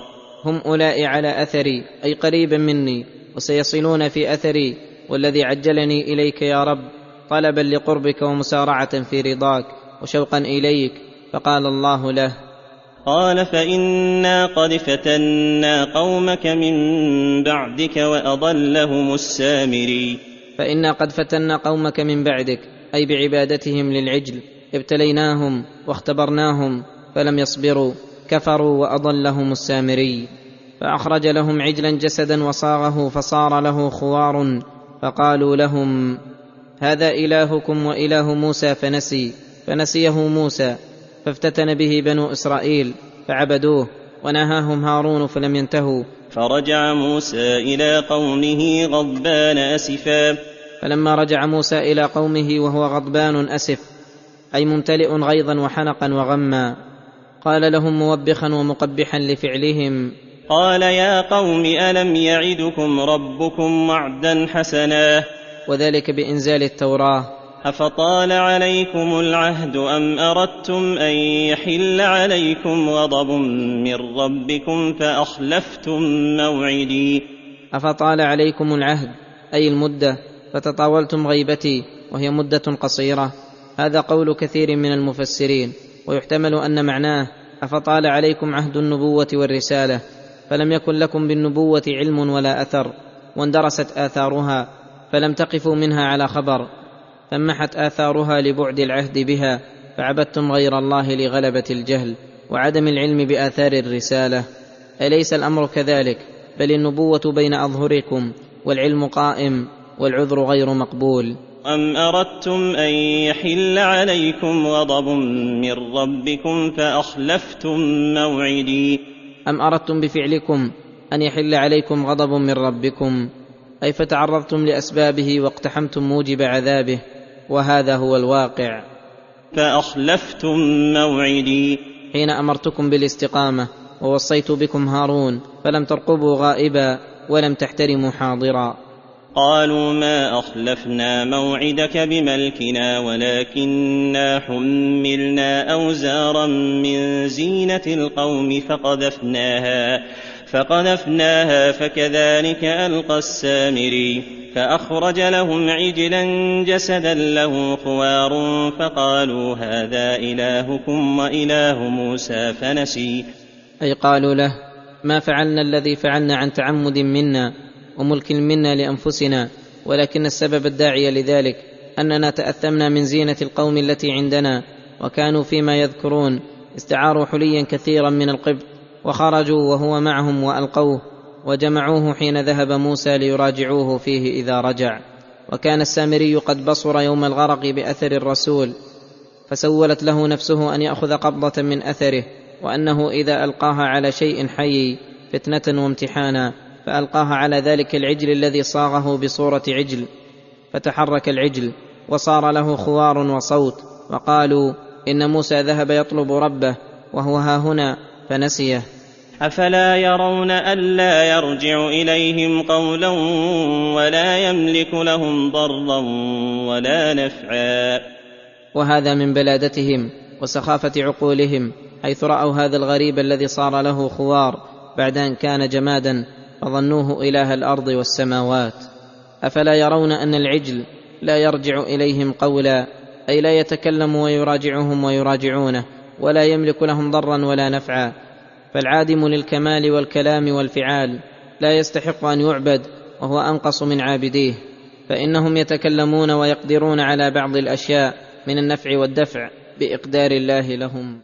ولقد قال لهم هارون من قبل يا قوم إنما فتنتم به وإن ربكم الرحمن فاتبعوني وأطيعوا أمري أي إن اتخاذهم العجل ليسوا معذورين فيه فإنه وإن كانت عرضت لهم الشبهة في أصل عبادته فإن هارون قد نهاهم عنه وأخبرهم أنه فتنة وأن ربهم الرحمن الذي منه النعم الظاهرة والباطنة. الدافع للنقم وأنه أمرهم أن يتبعوه ويعتزلوا العجل فأبوا وقالوا قالوا لن نبرح عليه عاكفين حتى يرجع إلينا موسى. فأقبل موسى على أخيه لائما له وقال قال يا هارون ما منعك إذ رأيتهم ضلوا ألا تتبعني أفعصيت أمري؟ ألا تتبعن فتخبرني لأبادر للرجوع إليهم. أفعصيت أمري في قولي أخلفني في قومي وأصلح ولا تتبع سبيل المفسدين. فأخذ موسى برأس هارون ولحيته يجره من الغضب والعتب عليه فقال هارون قال يا ابن أم لا تأخذ بلحيتي ولا برأسي إني خشيت أن تقول فرقت بين بني إسرائيل ولم ترقب قولي يا ابن أم ترقيق له وإلا فهو شقيقه. إني خشيت أن تقول فرقت بين بني إسرائيل ولم ترقب قولي فإنك أمرتني أن أخلفك فيهم فلو تبعتك لتركت ما أمرتني بلزومه وخشيت لائمتك. أن تقول فرقت بين بني إسرائيل حيث تركتهم وليس عندهم راع ولا خليفة. فإن هذا يفرقهم ويشتت شملهم فلا تجعلني مع القوم الظالمين ولا تشمت فينا الأعداء. فندم موسى على ما صنع بأخيه وهو غير مستحق لذلك. فقال رب اغفر لي ولأخي وأدخلنا في رحمتك وأنت أرحم الراحمين. ثم أقبل على السامري. قال فما خطبك يا سامري؟ أي ما شأنك يا سامري؟ حيث فعلت ما فعلت. فقال قال بصرت بما لم يبصروا به فقبضت قبضة من أثر الرسول فنبذتها وكذلك سولت لي نفسي. بصرت بما لم يبصروا به وهو جبريل عليه السلام على فرس رآه وقت خروجهم من البحر وغرق فرعون وجنوده على ما قاله المفسرون. فقبضت قبضة من أثر حافر فرسه فنبذتها على العجل. وكذلك سولت لي نفسي. أن أقبضها ثم أنبذها فكان ما كان. فقال له موسى فاذهب واستأخر مني. قال فاذهب فإن لك في الحياة أن تقول لا مساس. أي تعاقب في الحياة عقوبة لا يدنو منك أحد ولا يمسك أحد حتى إن من أراد القرب منك قلت له لا تمسني ولا تقرب مني عقوبة على ذلك. حيث مس ما لم يمسه غيره واجرى ما لم يجره أحد. وإن لك موعدا لن تخلفه. فتجازى بعملك من خير وشر. وانظر إلى إلهك الذي ظلت عليه عاكفا لنحرقنه. وانظر إلى إلهك الذي ظلت عليه عاكفا أي العجل. لنحرقنه ثم لننسفنه في اليم نسفا.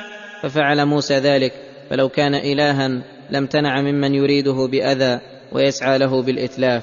على وجه لا تمكن إعادته بالإحراق والسحق وذريه في اليم ونسفه ليزول ما في قلوبهم من حبه كما زال شخصه. ولأن في إبقائه محنة لأن في النفوس أقوى داع إلى الباطل. فلما تبين لهم بطلانه أخبرهم بمن يستحق العبادة وحده لا شريك له فقال إنما إلهكم الله الذي لا إله إلا هو. إنما إلهكم الله الذي لا إله إلا هو وسع كل شيء علما. أي لا معبود إلا وجهه الكريم فلا يؤله ولا يحب ولا يرجى ولا يخاف ولا يدعى إلا هو. لأنه الكامل الذي له الأسماء الحسنى والصفات العلى المحيط علمه بجميع الأشياء الذي ما من نعمة بالعباد إلا منه ولا يدفع السوء إلا هو فلا إله إلا هو ولا معبود سواه. كذلك نقص عليك من أنباء ما قد سبق وقد آتيناك من لدنا ذكرا. يمتن الله تعالى على نبيه صلى الله عليه وسلم بما قصه عليه من أنباء السابقين وأخبار السالفين كهذه القصة العظيمة وما فيها من الأحكام وغيرها التي لا ينكرها أحد من أهل الكتاب فأنت لم تدرس أخبار الأولين ولم تتعلم ممن دراها فإخبارك بالحق اليقين من أخبارهم دليل على أنك رسول الله حقا ولهذا قال وقد آتيناك من لدنا ذكرا أي عطية نفيسة ومنحة جزيلة من عندنا ذكرى وهو هذا القرآن الكريم ذكر للأخبار السابقة واللاحقة وذكر يتذكر به ما لله تعالى من الأسماء والصفات الكاملة ويتذكر به أحكام الأمر والنهي وأحكام الجزاء وهذا مما يدل على أن القرآن مشتمل على أحسن ما يكون من الأحكام الذي تشهد العقول والفطر بحسنها وكمالها ويذكر هذا القرآن ما أودع الله فيها وإذا كان القرآن ذكرا للرسول وأمته فيجب تلقيه بالقبول والتسليم والانقياد والتعظيم وأن يهتدى بنوره إلى الصراط المستقيم وأن يقبلوا عليه بالتعلم والتعليم. وأما مقابلته بالإعراض أو ما هو أعظم منه من الإنكار فإنه كفر لهذه النعمة ومن فعل ذلك فهو مستحق للعقوبة. ولهذا قال من أعرض عنه فإنه يحمل يوم القيامة وزرا. من أعرض عنه فلم يؤمن به أو تهاون بأوامره ونواهيه أو بتعلم معانيه الواجبة. فإنه يحمل يوم القيامة وزرا. وهو ذنبه الذي بسببه أعرض عن القرآن وأولاه الكفر والهجران. خالدين فيه وساء لهم يوم القيامة حملا. خالدين فيه أي في وزرهم لأن العذاب هو نفس الأعمال تنقلب عذابا على أصحابها بحسب صغرها وكبرها. وساء لهم يوم القيامة حملا. أي بئس الحمل الذي يحملونه والعذاب الذي يعذبونه يوم القيامة ثم استطرد. فذكر أحوال يوم القيامة وأهواله فقال يوم ينفخ في الصور ونحشر المجرمين يومئذ زرقا يتخافتون بينهم إن لبثتم إلا عشرا نحن أعلم بما يقولون إذ يقول أمثلهم طريقة إن لبثتم إلا يوما أي إذا نفخ في الصور وخرج الناس من قبورهم كل على حسب حاله فالمتقون يحشرون إلى الرحمن وفدا والمجرمون يحشرون زرقا ألوانهم من الخوف والقلق والعطش يتناجون بينهم ويتخافتون في قصر مدة الدنيا وسرعة الآخرة. فيقول بعضهم ما لبثتم إلا عشرة أيام ويقول بعضهم غير ذلك والله يعلم تخافتهم ويسمع ما يقولون إذ يقول أمثلهم طريقة أي أعدلهم وأقربهم إلى التقدير. إن لبثتم إلا يوما. والمقصود من هذا الندم العظيم. كيف ضيعوا الأوقات القصيرة وقطعوها ساهين لاهين معرضين عما ينفعهم مقبلين على ما يضرهم. فها قد حضر الجزاء وحق الوعيد فلم يبق إلا الندم والدعاء بالويل والثبور. كما قال تعالى قال كم لبثتم في الأرض عدد سنين؟ قالوا لبثنا يوما أو بعض يوم. فاسأل العادين قال إن لبثتم إلا قليلا لو أنكم كنتم تعلمون. ويسألونك عن الجبال فقل ينسفها ربي نسفا. يخبر تعالى عن أهوال يوم القيامة وما فيها من الزلازل والقلاقل فقال ويسألونك عن الجبال أي ماذا يصنع بها يوم القيامة وهل تبقى بحالها أم لا؟ فقل ينسفها ربي نسفا. أي يزيلها ويقلعها من أماكنها فتكون كالعهن وكالرمل ثم يدكها فيجعلها هباء منبثا فتضمحل وتتلاشى ويسويها بالأرض. فيذرها قاعا صفصفا لا ترى فيها عوجا ولا أمتا. ويجعل الأرض قاعا صفصفا مستويا لا ترى فيها عوجا ولا أمتا. لا ترى فيه أيها الناظر عوجا. هذا من تمام استوائها. ولا أمتا. أي أودية وأماكن منخفضة أو مرتفعة فتبرز الأرض وتتسع للخلائق ويمدها الله مد الأديم فيكونون في موقف واحد يسمعهم الداعي وينفذهم البصر. ولهذا قال يومئذ يتبعون الداعي لا عوج له وخشعت الأصوات للرحمن وخشعت الأصوات للرحمن فلا تسمع إلا همسا. يومئذ يتبعون الداعي وذلك حين يبعثون من قبورهم ويقومون منها. يدعوهم الداعي إلى الحضور والاجتماع للموقف فيتبعونه مهطعين إليه. لا يلتفتون عنه ولا يعرجون يمنة ولا يسرة. وقوله يومئذ يتبعون الداعي لا عوج له. أي لا عوج لدعوة الداعي بل تكون دعوته حقا وصدقا لجميع الخلق. يسمعهم جميعهم ويصيح بهم أجمعين فيحضرون لموقف القيامة خاشعة أصواتهم للرحمن. فلا تسمع إلا همسا.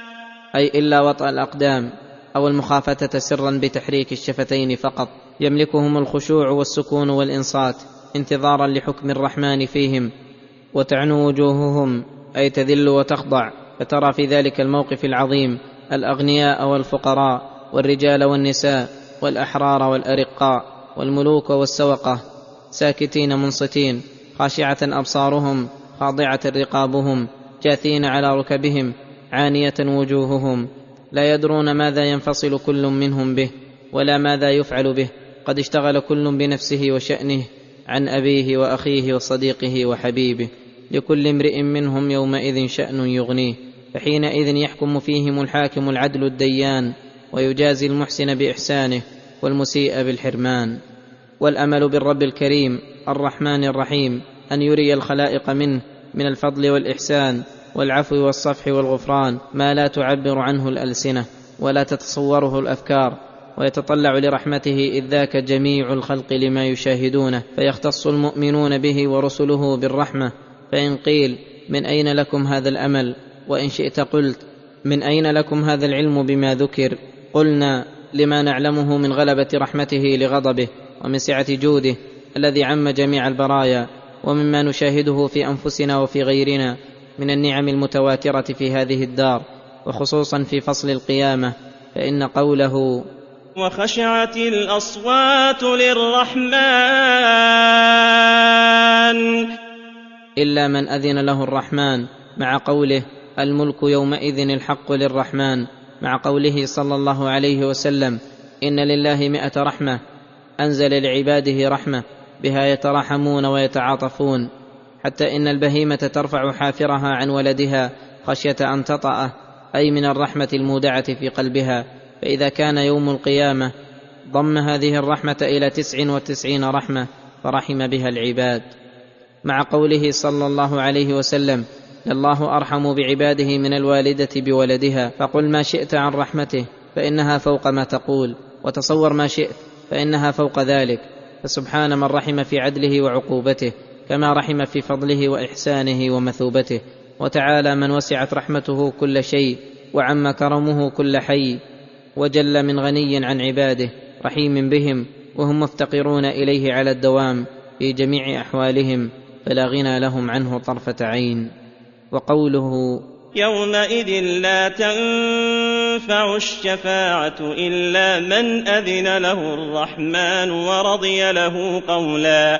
أي لا يشفع أحد عنده من الخلق إلا إذا أذن في الشفاعة ولا يأذن إلا لمن رضي قوله أي شفاعته من الأنبياء والمرسلين وعباده المقربين في من ارتضى قوله وعمله وهو المؤمن المخلص.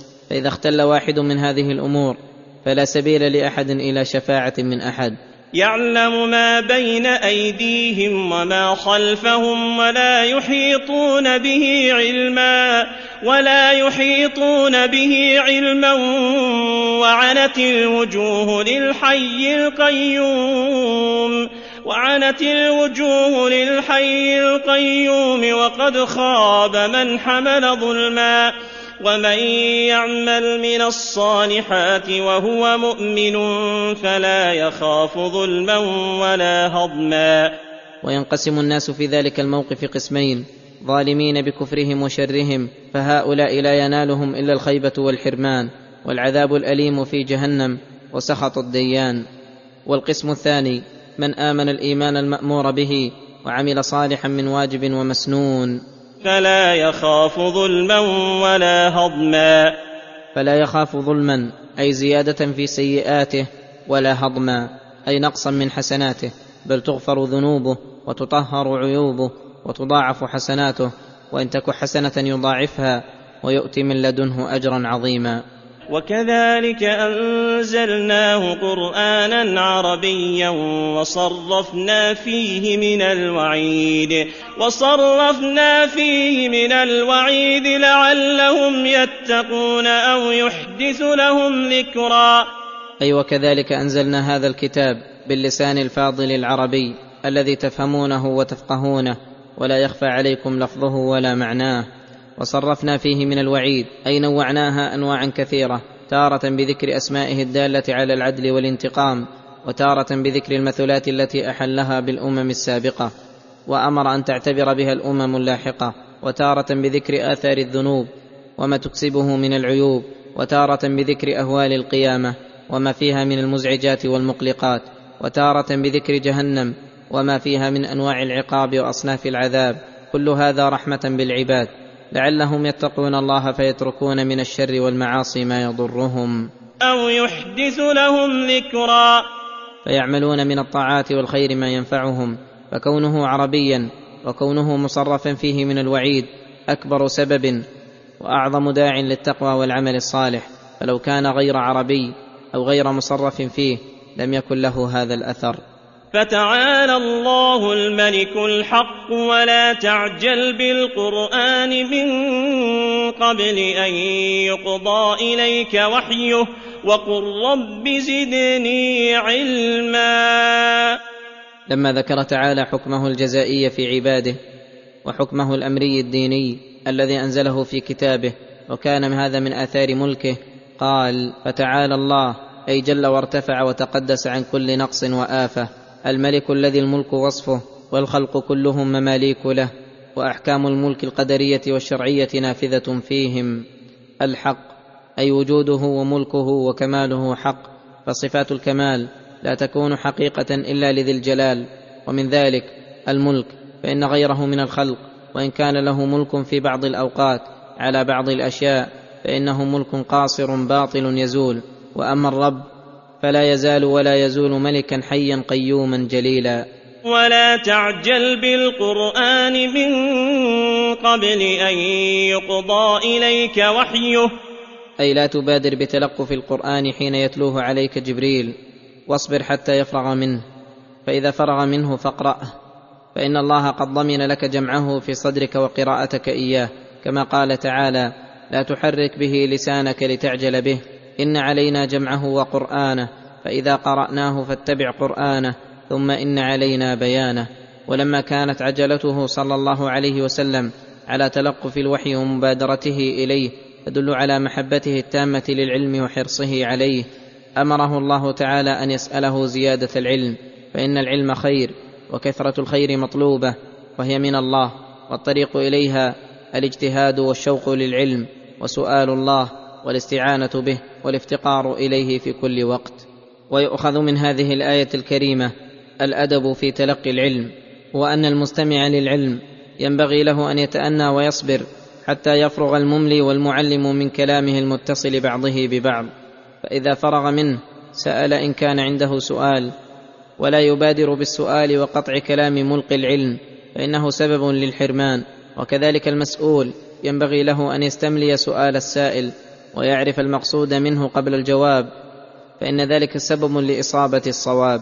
ولقد عهدنا إلى آدم من قبل فنسي ولم نجد له عزما. أي ولقد وصينا آدم وأمرناه وعهدنا إليه عهدا ليقوم به فالتزمه وأذعن له وانقاد وعزم على القيام به ومع ذلك نسي ما أمر به وانتقضت عزيمته المحكمة فجرى عليه ما جرى فصار عبرة لذريته. وصارت طبائعهم مثل طبيعته. نسي آدم فنسيت ذريته وخطأ فخطأوا ولم يثبت على العزم المؤكد وهم كذلك. وبادر بالتوبة من خطيئته وأقر بها واعترف فغفرت له ومن يشابه أباه فما ظلم. ثم ذكر تفصيل ما أجمله فقال وإذ قلنا للملائكة اسجدوا لآدم فسجدوا إلا إبليس أبى. أي لما أكمل خلق آدم بيده وعلمه الأسماء وفضله وكرمه أمر الملائكة بالسجود له إكراما وتعظيما وإجلالا. فبادروا بالسجود ممتثلين وكان بينهم إبليس فاستكبر عن أمر ربه وامتنع من السجود لآدم وقال أنا خير منه خلقتني من نار وخلقته من طين. فقلنا يا آدم إن هذا عدو لك ولزوجك فلا يخرجنكما من الجنة فتشقى. فتبينت حينئذ عداوته البليغة لآدم وزوجه لما كان عدوا لله وظهر من حسده ما كان سبب العداوة.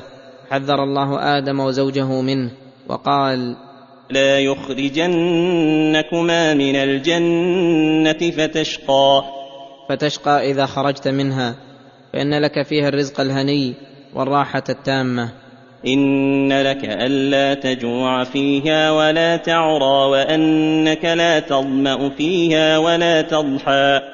أي تصيبك الشمس بحرها فضمن له استمرار الطعام والشراب والكسوة والماء وعدم التعب والنصب فلم يزل الشيطان يسول لهما ويزين أكل الشجرة ويقول فوسوس إليه الشيطان قال يا آدم هل أدلك على شجرة الخلد وملك لا يبلى؟ هل أدلك على شجرة الخلد؟ أي الشجرة التي من أكل منها خلد في الجنة. وملك لا يبلى. أي لا ينقطع إن أكلت منها فأتاه بصورة ناصح وتلطف له في الكلام فاغتر به آدم. فأكلا منها فبدت لهما سوآتهما وطفقا يخصفان عليهما من ورق الجنة وعصى آدم ربه فغوى ثم اجتباه ربه فتاب عليه وهدى. وأكلا من الشجرة فسقط في أيديهما وسقطت كسوتهما واتضحت معصيتهما وبدا لكل منهما سوءة الآخر بعد أن كانا مستورين. وجعلا يخصفان على أنفسهما من ورق أشجار الجنة ليستترا بذلك وأصابهما من الخجل ما الله به عليم. وعصى آدم ربه فغوى ثم اجتباه ربه فتاب عليه وهدى. فبادرا إلى التوبة والإنابة وقالا ربنا ظلمنا أنفسنا وإن لم تغفر لنا وترحمنا لنكونن من الخاسرين. فاجتباه ربه واختاره ويسر له التوبة. فتاب عليه وهدى. فكان بعد التوبة أحسن منه قبلها ورجع كيد العدو عليه وبطل مكره. فتمت النعمة عليه وعلى ذريته ووجب عليهم القيام بها والاعتراف وأن يكونوا على حذر من هذا العدو المرابط الملازم لهم ليلا ونهارا. يا بني آدم لا يفتننكم الشيطان كما أخرج أبويكم من الجنة ينزع عنهما لباسهما ليريهما سوآتهما. إنه يراكم هو وقبيله من حيث لا ترونهم. انا جعلنا الشياطين أولياء للذين لا يؤمنون.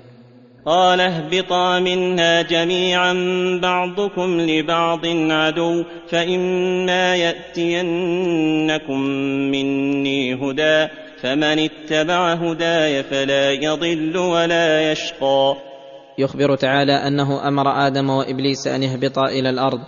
وأن يتخذ آدم وبنوه الشيطان عدوا لهم فياخذوا الحذر منه ويعدوا له عدته ويحاربوه وأنه سينزل عليهم كتبا ويرسل إليهم رسلا يبينون لهم الطريق المستقيم الموصلة إليه وإلى جنته ويحذرونهم من هذا العدو المبين وأنهم أي وقت جاءهم ذلك الهدى الذي هو الكتب والرسل فإن من اتبعه اتبع ما أمر به واجتنب ما نهي عنه. فإنه لا يضل في الدنيا ولا في الآخرة ولا يشقى فيهما بل قد هدي إلى صراط مستقيم في الدنيا والآخرة وله السعادة والأمن في الآخرة. وقد نفى عنه الخوف والحزن في آية أخرى لقوله فمن تبع هداي فلا خوف عليهم ولا هم يحزنون واتباع الهدى بتصديق الخبر وعدم معارضته بالشبه وامتثال الأمر بأن لا يعارضه بشهوة. ومن اعرض عن ذكري فان له معيشه ضنكا ونحشره يوم القيامه اعمى. ومن اعرض عن ذكري أي كتابي الذي يتذكر به جميع المطالب العاليه وان يتركه على وجه الاعراض عنه أو ما هو اعظم من ذلك بان يكون على وجه الانكار له والكفر به. فان له معيشه ضنكا أي فإن جزاءه أن نجعل معيشته ضيقة مشقة ولا يكون ذلك إلا عذابا. وفسرت المعيشة الضنك بعذاب القبر وأنه يضيق عليه قبره ويحصر فيه ويعذب جزاء لإعراضه عن ذكر ربه. وهذه إحدى الآيات الدالة على عذاب القبر. والثانية قوله تعالى ولو ترى إذ الظالمون في غمرات الموت والملائكة باسطوا أيديهم والثالثة قوله ولنذيقنهم من العذاب الأدنى دون العذاب الأكبر. والرابعة قوله عن آل فرعون النار يعرضون عليها غدوا وعشيا. والذي أوجب لمن فسرها بعذاب القبر فقط من السلف وقصرها على ذلك والله أعلم. آخر الآية. وأن الله ذكر في آخرها عذاب يوم القيامة.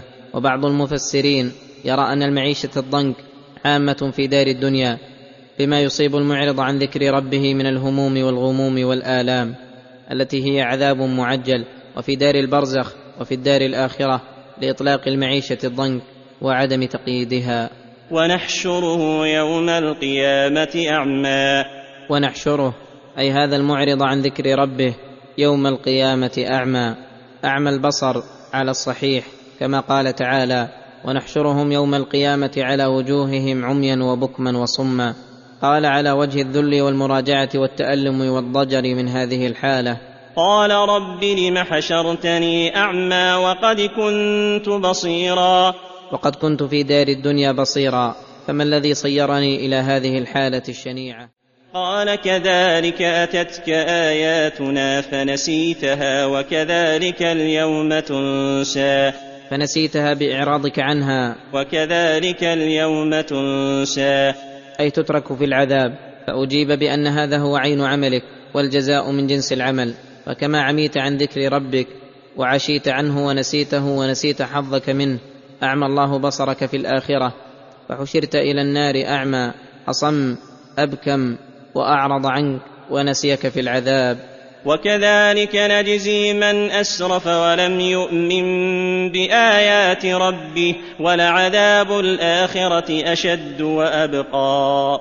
وكذلك أي هذا الجزاء نجزي من أسرف بأن تعدى الحدود وارتكب المحارم وجاوز ما أذن له ولم يؤمن بآيات ربه الدالة على جميع مطالب الإيمان دلالة واضحة صريحة فالله لم يظلمه ولم يضع العقوبة في غير محلها.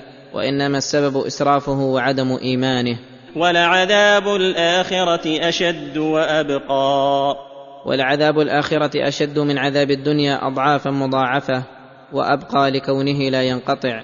بخلاف عذاب الدنيا فإنه منقطع فالواجب الخوف والحذر من عذاب الآخرة. أفلم يهد لهم كم أهلكنا قبلهم من القرون يمشون في مساكنهم إن في ذلك لآيات لأولي النهى. أي أفلم يهد هؤلاء المكذبين المعرضين ويدلهم على سلوك الطريق الرشاد وتجنب طريق الغي والفساد ما أحل الله بالمكذبين قبلهم من القرون الخالية والأمم المتتابعة الذين يعرفون قصصهم ويتناقلون أسمارهم وينظرون بأعينهم مساكنهم من بعدهم كقوم هود وصالح ولوط وغيرهم وأنهم لما كذبوا رسلنا وأعرضوا عن كتبنا اصبناهم بالعذاب الأليم. فما الذي يؤمن هؤلاء أن يحل بهم ما حل بأولئك؟ أكفاركم خير من أولئكم أم لكم براءة في الزبر؟ أم يقولون نحن جميع منتصر؟ لا شيء من هذا كله فليس هؤلاء الكفار خيرا من أولئك. حتى يدفع عنهم العذاب بخيرهم بل هم شر منهم لأنهم كفروا بأشرف الرسل وخير الكتب وليس لهم براءة مزبورة وعهد عند الله وليسوا كما يقولون أن جمعهم ينفعهم ويدفع عنهم بل هم أذل وأحقر من ذلك فإهلاك القرون الماضية بذنوبهم من أسباب الهداية لكونها من الآيات الدالة على صحة رسالة الرسل الذين جاءوهم وبطلان ما هم عليه. ولكن ما كل أحد ينتفع بالآيات إنما ينتفع بها أولو النهى أي العقول السليمة والفطر المستقيمة والألباب التي تزجر أصحابها عما لا ينبغي. ولولا كلمة سبقت من ربك لكان لزاما وأجل مسمى. هذا تسلية للرسول وتصبير له عن المبادرة إلى إهلاك المكذبين المعرضين. وأن كفرهم وتكذيبهم سبب صالح لحلول العذاب بهم ولزومه لهم لأن الله جعل العقوبات سببا وناشئا عن الذنوب ملازما لها وهؤلاء قد أتوا بالسبب ولكن الذي أخره عنهم كلمة ربك المتضمنة لإمهالهم وتأخيرهم وضرب الأجل المسمى فالأجل المسمى ونفوذ كلمة الله هو الذي أخر عنهم العقوبة إلى إبان وقتها ولعلهم يراجعون أمر الله فيتوب عليهم. ويرفع عنهم العقوبة إذا لم تحق عليهم الكلمة. ولهذا أمر الله رسوله بالصبر على أذيتهم بالقول. فاصبر على ما يقولون وسبح بحمد ربك قبل طلوع الشمس وقبل غروبها ومن آناء الليل ومن آناء الليل فسبح وأطراف النهار لعلك ترضى. وأمره أن يتعوض عن ذلك ويستعين عليه بالتسبيح بحمد ربه في هذه الأوقات الفاضلة قبل طلوع الشمس وقبل غروبها. وفي أطراف النهار أوله وآخره عموم بعد خصوص وأوقات الليل وساعاته. لعلك إن فعلت ذلك ترضى بما يعطيك ربك من الثواب العاجل والآجل وليطمئن قلبك وتقر عينك بعبادة ربك وتتسلى بها عن أذيتهم فيخف حينئذ عليك الصبر. ولا تمدن عينيك إلى ما متعنا به ازواجا منهم زهره الحياة الدنيا لنفتنهم فيه ورزق ربك خير وابقى. أي لا تمد عينيك معجبا ولا تكرر النظر مستحسنا إلى أحوال الدنيا والممتعين بها من المآكل والمشارب اللذيذة والملابس الفاخرة والبيوت المزخرفة والنساء المجملة فإن ذلك كله زهرة الحياة الدنيا تبتهج بها نفوس المغترين وتأخذ اعجابا بأبصار المعرضين ويتمتع بها بقطع النظر عن الآخرة القوم الظالمون. ثم تذهب سريعا وتمضي جميعا وتقتل محبيها وعشاقها فيندمون حيث لا تنفع الندامة ويعلمون ما هم عليه إذا قدموا في القيامة. وإنما جعلها الله فتنة واختبارا ليعلم من يقف عندها ويغتر بها ومن هو أحسن عملا كما قال تعالى انا جعلنا ما على الأرض زينه لها لنبلوهم ايهم احسن عملا وأنا لجاعلون ما عليها صعيدا جرزا. ورزق ربك خير وابقى. ورزق ربك العاجل من العلم والايمان وحقائق الاعمال الصالحه والاجل من النعيم المقيم والعيش السليم في جوار الرب الرحيم. خير مما متعنا به ازواجا في ذاته وصفاته وأبقى لكونه لا ينقطع. أكلها دائم وظلها. كما قال تعالى بل تؤثرون الحياة الدنيا والآخرة خير وأبقى. وفي هذه الآية إشارة إلى أن العبد إذا رأى من نفسه طموحا إلى زينة الدنيا واقبالا عليها أن يذكرها ما أمامها من رزق ربه وأن يوازن بين هذا وهذا. وامر اهلك بالصلاه واصطبر عليها لا نسالك رزقا نحن نرزقك والعاقبه للتقوى. أي حث أهلك على الصلاة وأزعجهم إليها من فرض ونفل والأمر بالشيء أمر بجميع ما لا يتم إلا به فيكون أمرا بتعليمهم ما يصلح الصلاة ويفسدها ويكملها واصطبر عليها أي على الصلاة بإقامتها بحدودها وأركانها وآدابها وخشوعها فإن ذلك مشق على النفس ولكن ينبغي إكراهها وجهادها على ذلك والصبر معها دائما فإن العبد إذا أقام صلاته على الوجه المأمور به كان لما سواها من دينه أحفظ وأقوم وإذا ضيعها كان لما سواها أضيع ثم ضمن تعالى لرسوله الرزق ولا يشغله الاهتمام به عن إقامة دينه فقال نحن نرزقك والعاقبة للتقوى. نحن نرزقك أي رزقك علينا قد تكفلنا به كما تكفلنا بأرزاق الخلائق كلهم. فكيف بمن قام بأمرنا واشتغل بذكرنا؟ ورزق الله عام للمتقي وغيره فينبغي الاهتمام بما يجلب السعادة الأبدية وهو التقوى. ولهذا قال والعاقبة في الدنيا والآخرة للتقوى التي هي فعل المأمور وترك المنهي. فمن قام بها كان له العاقبة كما قال تعالى والعاقبة للمتقين. وقالوا لولا يأتينا بآية من ربه أولم تأتهم بينة ما في الصحف الأولى؟ أي قال المكذبون للرسول صلى الله عليه وسلم هل لا يأتينا بآية من ربه؟ يعنون آيات الاقتراح كقولهم وقالوا لن نؤمن لك حتى تفجر لنا من الأرض ينبوعا. أو تكون لك جنة من نخيل وعنب فتفجر الأنهار خلالها تفجيرا أو تسقط السماء كما زعمت علينا كسفا أو تأتي بالله والملائكة قبيلا وهذا تعنت منهم وعناد وظلم فإنهم هم الرسول بشر عبيد لله فلا يليق منهم الاقتراح بحسب أهوائهم وإنما الذي ينزلها ويختار منها ما يختار بحسب حكمته هو الله ولأن قولهم لولا أنزل عليه آيات من ربه يقتضي أنه لم يأتهم بآية على صدقه ولا بينة على حقه وهذا كذب وافتراء. فإنه أتى من المعجزات الباهرات والآيات القاهرات ما يحصل ببعضه المقصود ولهذا قال اولم تاتهم بينه ما في الصحف الاولى؟ اولم تاتهم ان كانوا صادقين في قولهم وانهم يطلبون الحق بدليله بينه ما في الصحف الاولى. أي هذا القرآن العظيم المصدق لما في الصحف الأولى من التوراة والإنجيل والكتب السابقة المطابق لها المخبر بما أخبرت به وتصديقه أيضا مذكور فيها ومبشر بالرسول بها وهذا كقوله تعالى أولم يكفهم انا أنزلنا عليك الكتاب يتلى عليهم إن في ذلك لرحمة وذكرى لقوم يؤمنون فالآيات تنفع المؤمنين ويزداد بها إيمانهم وإيقانهم وأما المعرضون عنها المعارضون لها فلا يؤمنون بها ولا ينتفعون بها.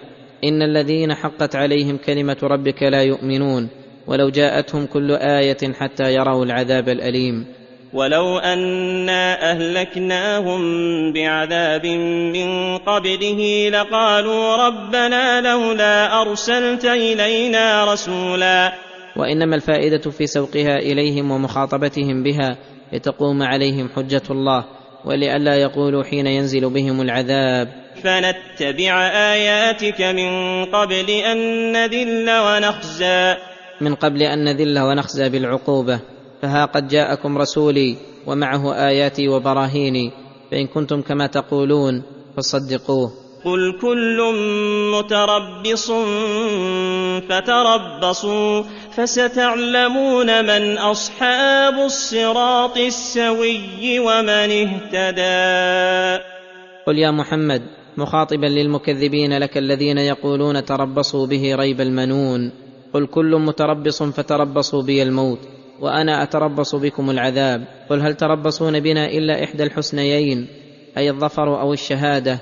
ونحن نتربص بكم أن يصيبكم الله بعذاب من عنده أو بأيدينا. فتربصوا فستعلمون من أصحاب الصراط السوي ومن اهتدى. فستعلمون من أصحاب الصراط السوي أي المستقيم ومن اهتدى بسلوكه أنا أم أنتم؟ فإن صاحبه هو الفائز الراشد الناجي المفلح ومن حاد عنه خاسر خائب معذب. وقد علم أن الرسول هو الذي بهذه الحالة وأعداؤه بخلافه والله أعلم.